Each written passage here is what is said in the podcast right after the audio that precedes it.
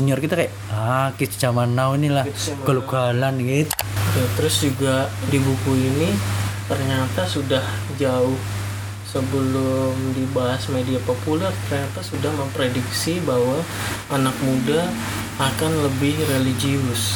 Assalamualaikum. alaikum. Bonjour. Ciao. Halo. Assalamualaikum. Waalaikumsalam. Balik lagi di Islam. Suara Laras Anak Muda. Masih bersama Abram dan Gilang. Iya. Um, kesempatan kali ini kita akan bahas tentang uh, referensi Islam sebenarnya. Oke. Okay. Jadi cukup banyak latar belakangi Islam dalam melihat dunia khususnya Indonesia. Iya karena narasi yang dia bawa ini cukup eh, apa ya membukakan khasanah dan jendela mata hati pikiran kita sebenarnya Terutama kaum muda ya spesifiknya.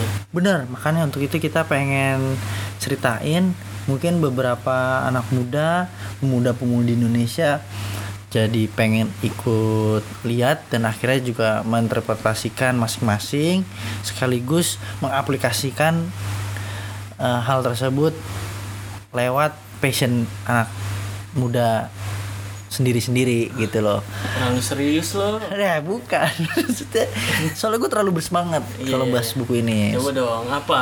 Judulnya apa nih? Oke, ya, bukunya penulisnya Muhammad Faisal. Muhammad Faisal. Jadi di episode selam kemarin yang sok-sok English itu, English. mm-mm, itu kesempatan bisa ngobrol langsung ketemu sama penulis buku ini.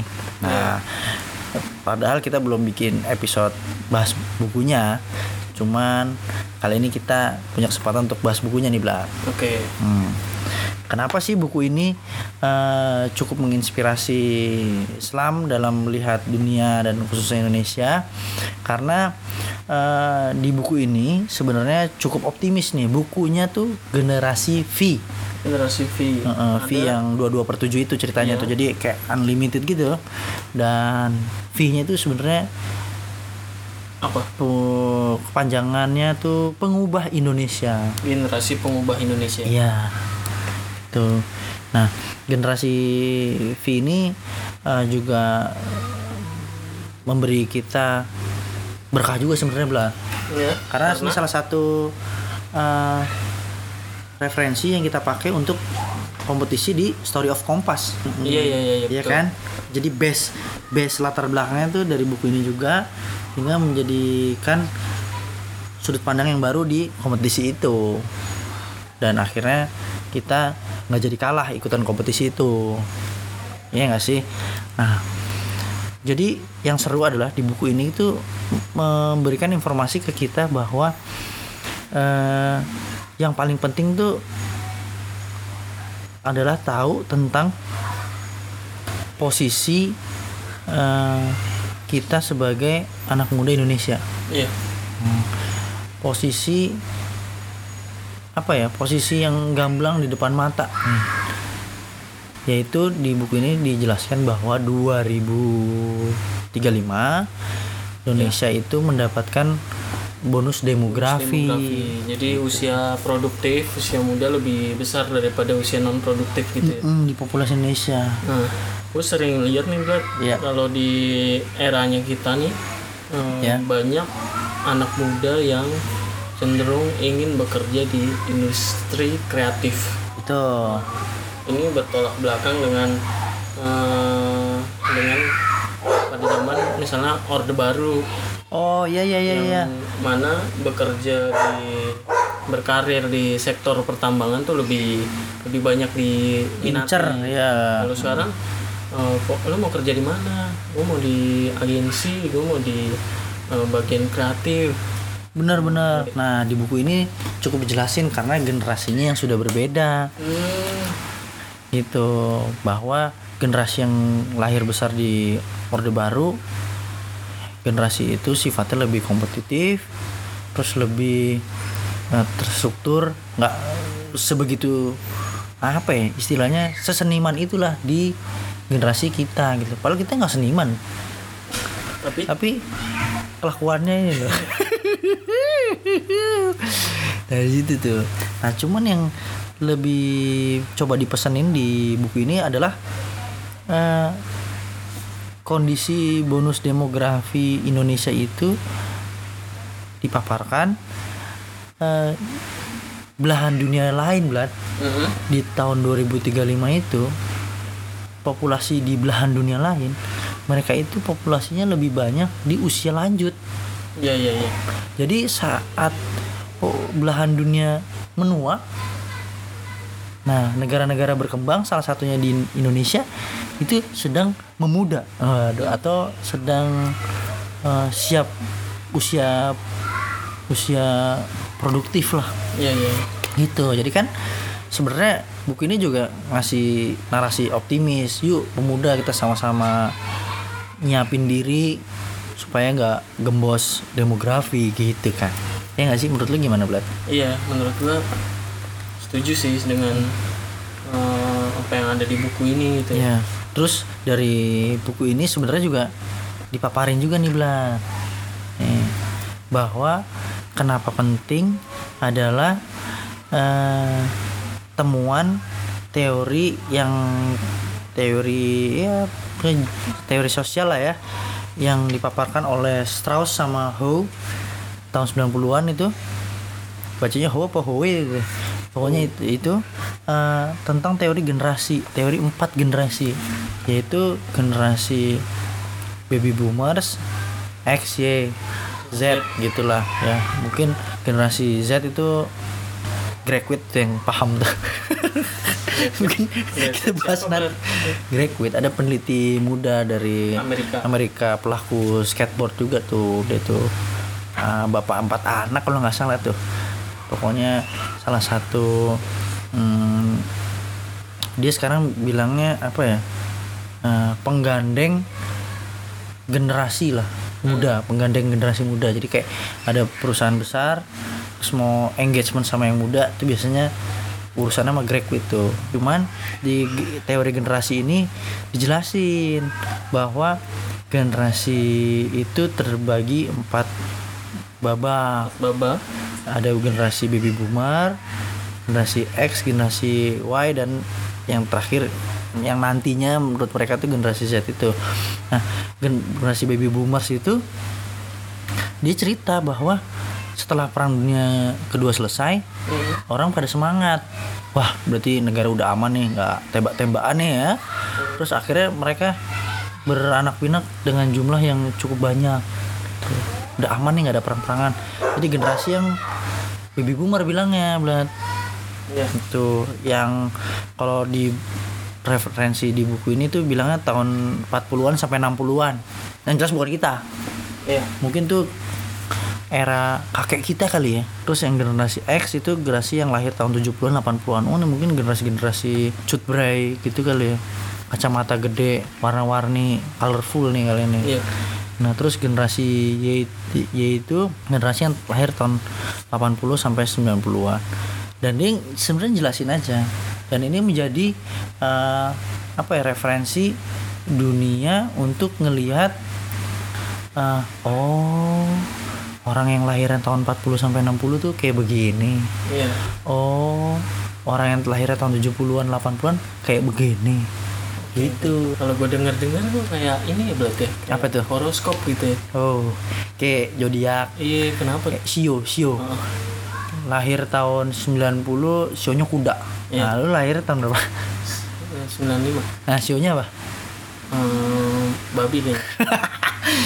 Terus jadi akhirnya ada karakternya apa gitu Oh, kan. iya, iya, iya. Hmm.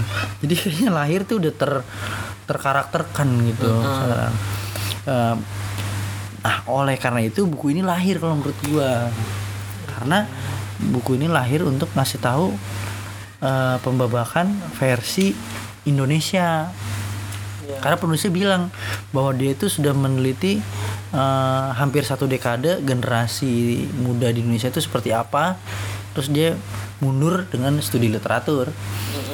Akhirnya dia membagi pembabakan empat generasi juga, yaitu salah satunya generasi V ini atau generasi pengubah Indonesia. Itu belah. Cuman dia istilahnya nggak pakai XYZ. Tapi dia pakai alpha beta theta pi Nah, dan setiap eh, apa istilahnya itu menggambarkan karakter watak setiap generasi gitu ya iya nah yang menariknya nih Blad kalau gue lihat bukunya tuh Mm-mm. eh, bahwa pembabakan generasi ini ya di khususnya di Indonesia ini yang dibuat sama Dr. Muhammad Faisal ini Iya. tidak didasarkan oleh eh, per tahunnya gitu. oh jadi nggak kayak tetap yang kalau tetap kan kayak kayak horoskop gitu ya Iya, Nah, tapi tapi didasarkan oleh situasi politik. Misalnya ada satu situasi politik yang, Oh. yang pecah, besar ha. nah, dia akan melahirkan satu generasi yang baru. iya iya iya buku iya, ini nih. bener bener bener bener Nah, misalnya eh, tahun 98 Mm-mm. untuk eh, generasi yang belum genap 10 10 tahun 10 tahun dia akan memiliki eh, dia tidak tidak mampu menyerap informasi informasi selama orde baru itu. Terus jadi karakternya jadi beda gitu. Mm, yang yang Karena- karakter yang sekarang besar ini ya. Ya Mm, iya emang betul sih itu. Gue sepakat karena kan eh, sebenarnya di teori psikologi ya salah satunya tuh ada mm, teori ternama dari Erik Erikson. Kalau umur 10 tahun itu dia di atas 10 tahun baru punya satu tahap perkembangan namanya ya, suatu pencarian suatu identitas gitu. Jadi kayak krisis identitas. Kalau dia udah mikirin itu nah berarti dia udah bisa nangkep eh, tentang oh situasi politik tuh apa terus kejadian sejarah tuh kayak gimana. Jadi kalau belum umur kalau di bawah umur 10 tahun kayak nggak tahu apa apa gitu. Ya lu udah lahir. Hmm. tapi umur lu tuh masih 8 tahun tapi ada kerusuhan di tahun 98 gitu ya. Lu- Iya. Lu nggak tahu apa-apa gitu kan. Nggak ngerasain gitu. Sama seperti sepakat sama teori per- perkembangan kognitif dari eh, salah satu eh, tokoh kenamaan psikologi juga Jean Piaget. Itu juga setelah umur 11 tahun ke atas itu baru ada apa namanya eh, prinsip perkembangan kognitif yaitu bisa mikir secara abstrak ya Mm-mm. Nah itu udah harus umur 11 tahun ke atas. Ini kalau masih 11 tahun ke bawah, ya, ya belum bisa paham lah situasi politik dan segala macam. Oke. Jadi di buku ini gua sepakat sih kalau misalnya batasnya misalnya ada situasi politik berubah di orde baru terus yang umurnya di atas eh yang di bawah 10 tahun atau 11 tahun ya masih belum kena imbasnya lah ini cuma baru dengar cerita-cerita doang tapi nggak ngerti gitu. Mm-mm. mungkin tuh seperti yang kalau generasi umumnya yang dibilang milenial sekarang itu eh ya dia nggak ngerti tentang orde baru karena dia di situ mungkin udah lahir tapi belum gede untuk bisa tahu tentang baru itu apa Oke, jadi buku ini tuh kayak apa ya, buat semacam jadi kita paham juga generasi sebelum kita bener karakternya gimana karena Iya. terbentuk dari situasi politik yang, yang ada. iya betul betul Gitu. betul Misalnya generasi para pendiri bangsa kita karakternya seperti apa iya gitu. Dan ternyata eh, itu tuh muter ya Blat ya, bakal muter generasi itu. ah itu dia yang makanya bikin kita gendeng sebenarnya. Terpapar jelas. Sebelum itu juga menurut gue buku ini eh, mampu membuat kita jadi wise sih jadi lebih bijak Em, Ngambil- melihat satu generasi pola generasi yang ap- kita pola generasi sebelumnya tuh jadi yang selama ini tuh sering jadi gesekan. Benar benar benar benar. Bahwa ada persepsi misalnya orang tua melihat anaknya tuh gimana sih pola pikirnya maunya yang instan instan aja. Nah iya iya iya. jadi ada persepsi negatif itu bahkan ada eh, sebutannya kids zaman now gitu kan. Oh iya betul kayak betul. melemahkan apa ya semangat muda bahwa benar benar benar. jadi ketidakpercayaan antipatian terhadap anak muda. Padahal anak muda ini yang akan memegang tongkat estafet ke depan yang akan Betul. memimpin eh, negara ini. Mm, mm, Jadi lebih lebih wise aja sih kalau gue Iya. baca buku ini Iya, jadi kita jadi kayak lebih lebih Iya. hormat juga ke yang senior karena Oh, latar belakang dia besar nggak sama nih sama latar belakang kita besar iya gitu zaman dulu mungkin kalau mau dapat informasi harus eh, naik gojek dulu eh belum ada go naik ojek. Naik naik, ojek. ojek dulu ke perpustakaan buka buku tanya resepsionis sudah informasi. Lah kita tinggal klik. Iya. Iya jadi kayak kita berdasarkan kayak "Ya, anak muda pengennya yang cepet-cepet aja dah. Iya. Gitu. Nggak ngerti yang namanya suatu proses dah. Gitu kesannya kan gitu. Jadi kan berasanya jadi kayak punya tembok pemisah. Iya. padahal kalau kita lihat dari buku ini bahwa latar belakang yang berbeda jadi menimbulkan gesekan itu. Tapi ada terminologi kids zaman now. Jadi kayak yang senior lihat ya namanya juga kids zaman now gitu. Nah jadi gitu sayangnya. Ya, berkat buku ini nih. Mm-mm. gue rasa bisa jadi bijak menanggapi benar benar benar. apa anggapan itu. Terus kita jadi bisa bersinergi sama generasi lintas generasi. Benar. Ya. Hmm, dan yang serunya sebenarnya terpapar juga sih. Jadi tiap generasi tuh punya karakteristik kayak apa. Terus kita untuk mensiasati untuk bisa berkontribusi di negara ini harusnya bentuknya apa Gitu. gitu. Jadi membawa apa yang ada di masa lalu generasi masa lalu generasi bokap kita ya generasi kita, Kita. jadi lebih komplit gitu belat benar Eh, membangun narasi Indonesia ini tuh Iya. harus gimana tuh lebih Betul. komplit nah selain itu bahasanya apa belat selain misalnya teori generasi Hmm, ya ya ya. Nah, sebenarnya sih yang gue lihat eh, memang bahasan yang kental tuh berdasarkan teori generasi. Hmm. Cuman di buku ini men- menjelaskan kita eh, lebih apa ya? Lebih detail. Sebenarnya penulisnya aja yang baik sih, Blat. Karena dia jelasinnya pelan-pelan dan terus diulang-ulang Iya. supaya kita nggak lupa. Jadi tiap generasi tuh ada contohnya. ya contohnya Terus abis itu, dan contohnya Indonesia banget kan nah bener makanya kayaknya sangat relate dengan kehidupan kita sehari-hari itu dekat karena dia coba memberi contoh yang dekat sama kita dan terpapar di media. Iya. Tuh nah, yang menarik ini Mm-mm. adalah isu-isu yang belat juga. Ya ya ya misalnya eh, kenapa sih yang tadi gue bilang kenapa sekarang anak muda banyak eh, yang ingin masuk ke dalam industri kreatif Oh. bebas secara pemikiran bebas Iya, iya, secara iya. finansial. Terus kayak misalnya quote-nya Justin Bieber I, I want to be uh, free oh ya ya uh, fun.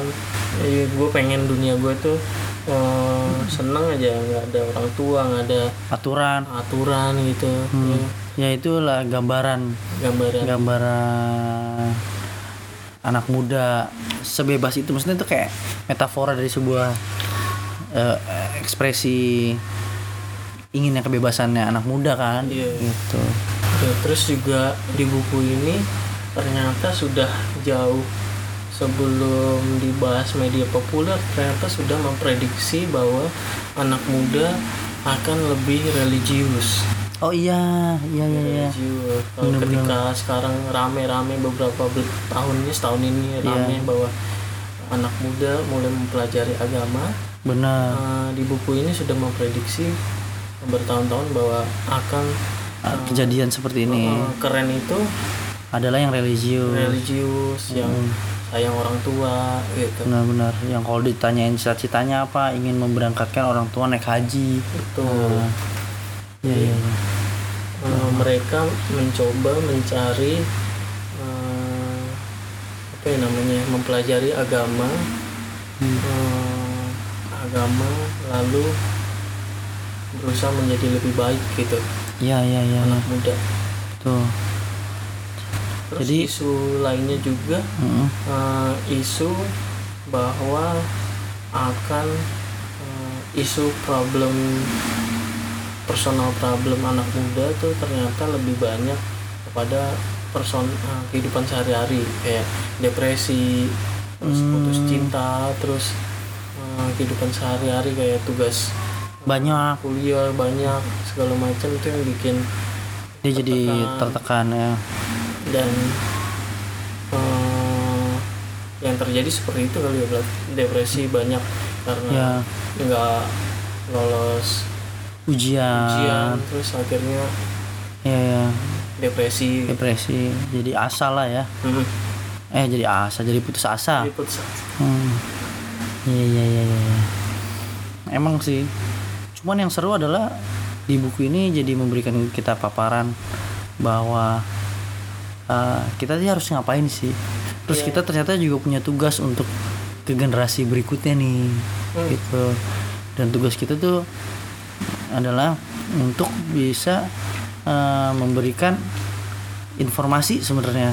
Apa yang udah kita dapat dari generasi sebelumnya untuk kita berikan informasi tersebut ke generasi yang akan datang. Karena eh, pentingnya itu adalah itu. Kalau misalnya informasi itu dibagikan akhirnya kita sama aja sama generasi sebelumnya yang menganggap generasi sekarang nih kayak ya itu mah zaman now ugal-ugalan Iya. gak jelas nanti kalau kita jadi senior dikit jangan sampai kita nganggap junior kita kayak ah kids zaman now inilah ugal-ugalan gitu loh jadi nggak membangun gitu ya Iya, karena tongkat estafet itu harus diputer-puter.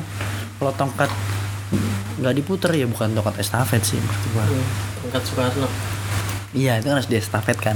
iya Dan yang seru sebenarnya waktu gua belakangan, nggak belakangan ya, Hmm. di awal-awal buku ini keluar, gue sempat ikutin beberapa workshop iya diskusi-diskusinya beliau. Jadi sebenarnya malah, malah ya. Entah karena emang orangnya mirip Reza Rahardian gitu, jadi ya. menggemaskan. Hmm. Jadi ibu-ibu yang banyak nanya. Hmm. Itu modus apa gimana kan nggak tahu ya tapi yang jelas semuanya tuh garis merahnya adalah mereka jadi terpapar masalah parenting. Karena punya anak kan? Punya anak. Ini anak kan harus diapain nih? Hah? ibu-ibu muda apa gimana? Ya ibunya sih. setengah setengah banyak. Entah muda enggak tapi anaknya masih muda banget. Oh gitu. Iya. bingung kan? Bingung kok anaknya jadi kayak gini? Apa yang harus dilakukan? Gitu. Hmm. Sebenarnya gue jadi jadi melihatnya sebuah spirit sih. Iya. Berarti ibu-ibu ini aware karena tertrigger buku ini Iya. atau tertrigger oleh paparannya si dokter dokter Faisal. Dan ibu-ibu ini siap untuk membangun anak-anaknya tumbuh dengan baik dong. iya. Nah, karena anak-anaknya ini ntar 2035 jadi yang pemimpin. Benar. di pemerintahan. Betul, yang jadi yang masyarakat. siap siap produktif di Indonesia gitu. ini buku istimewa banget ya Ken. Banget, ini banget. setiap gua di Jogja cerita gitu Hmm. pasti ada cuy yang udah baca juga udah baca Hmm, juga jadi iya. eh, gua cerita dia tahu juga kalau dia juga baca buku itu ternyata tapi tapi lu bilang kan maksudnya buku ini bisa ada di kayak di Gramedia di Gramedia itu dia ada kan ternyata best seller cuy oh kan ini rilis eh, Desember 2017 eh 18 apa iya. 2000 Iya, 17. 17 17 17 terus sepanjang 2018 tuh gua merasa buku ini tuh harus disebarin sebarin ya. Maksudnya gua harus ceritain ulang gitu buat temen-temen. Betul, betul. dan ternyata setiap gua cerita tuh eh, ada yang udah baca ada yang hmm. eh, ternyata sama antusiasmenya kayak gua. Iya iya iya ketika baca buku ini juga gila. Hmm, hmm, hmm. pantas bestseller cuy. Iya. Dan sebenarnya buku ini mau ada sequelnya. Oh ya iya jadi kayak macam Star Wars sama Avenger gitu lu jadi part sih? 2 nya lu asistennya bagaimana bukan gue selalu curi dengar sih akun penulisnya oh, gitu. karena kok belakangan fotonya semakin menarik dan katanya mau di sequelnya Heeh. desus punya desus katanya sudah 50% penggandaan lah Heeh. jadi sebelum sequelnya keluar buku ini dibaca lebih seru entar untuk sequel daripada daripada kita nonton Endgame tapi belum in- nonton Infinity War Oh, gitu, loh Jadi sebenarnya si penulis ini latar belakangnya kayak gimana, Bla? latar belakangnya Kenapa dia bisa punya knowledge dan expert di bidang kepemudaan, Oke. terutama anak muda Indonesia? Hmm, biar lengkap gue sambil buka bukunya ya Iya. Nah, ini di belakangnya sih yang jelas deh S3 ilmu psikologi, sosial. Ini Kelihatannya mukanya muda banget coba. Iya nih. Dipilih kali apa pakai filter ya? Heeh. Anak band, mirip anak band gitu ya? Iya iya. Kayak gitaris gitu. Heeh, heeh.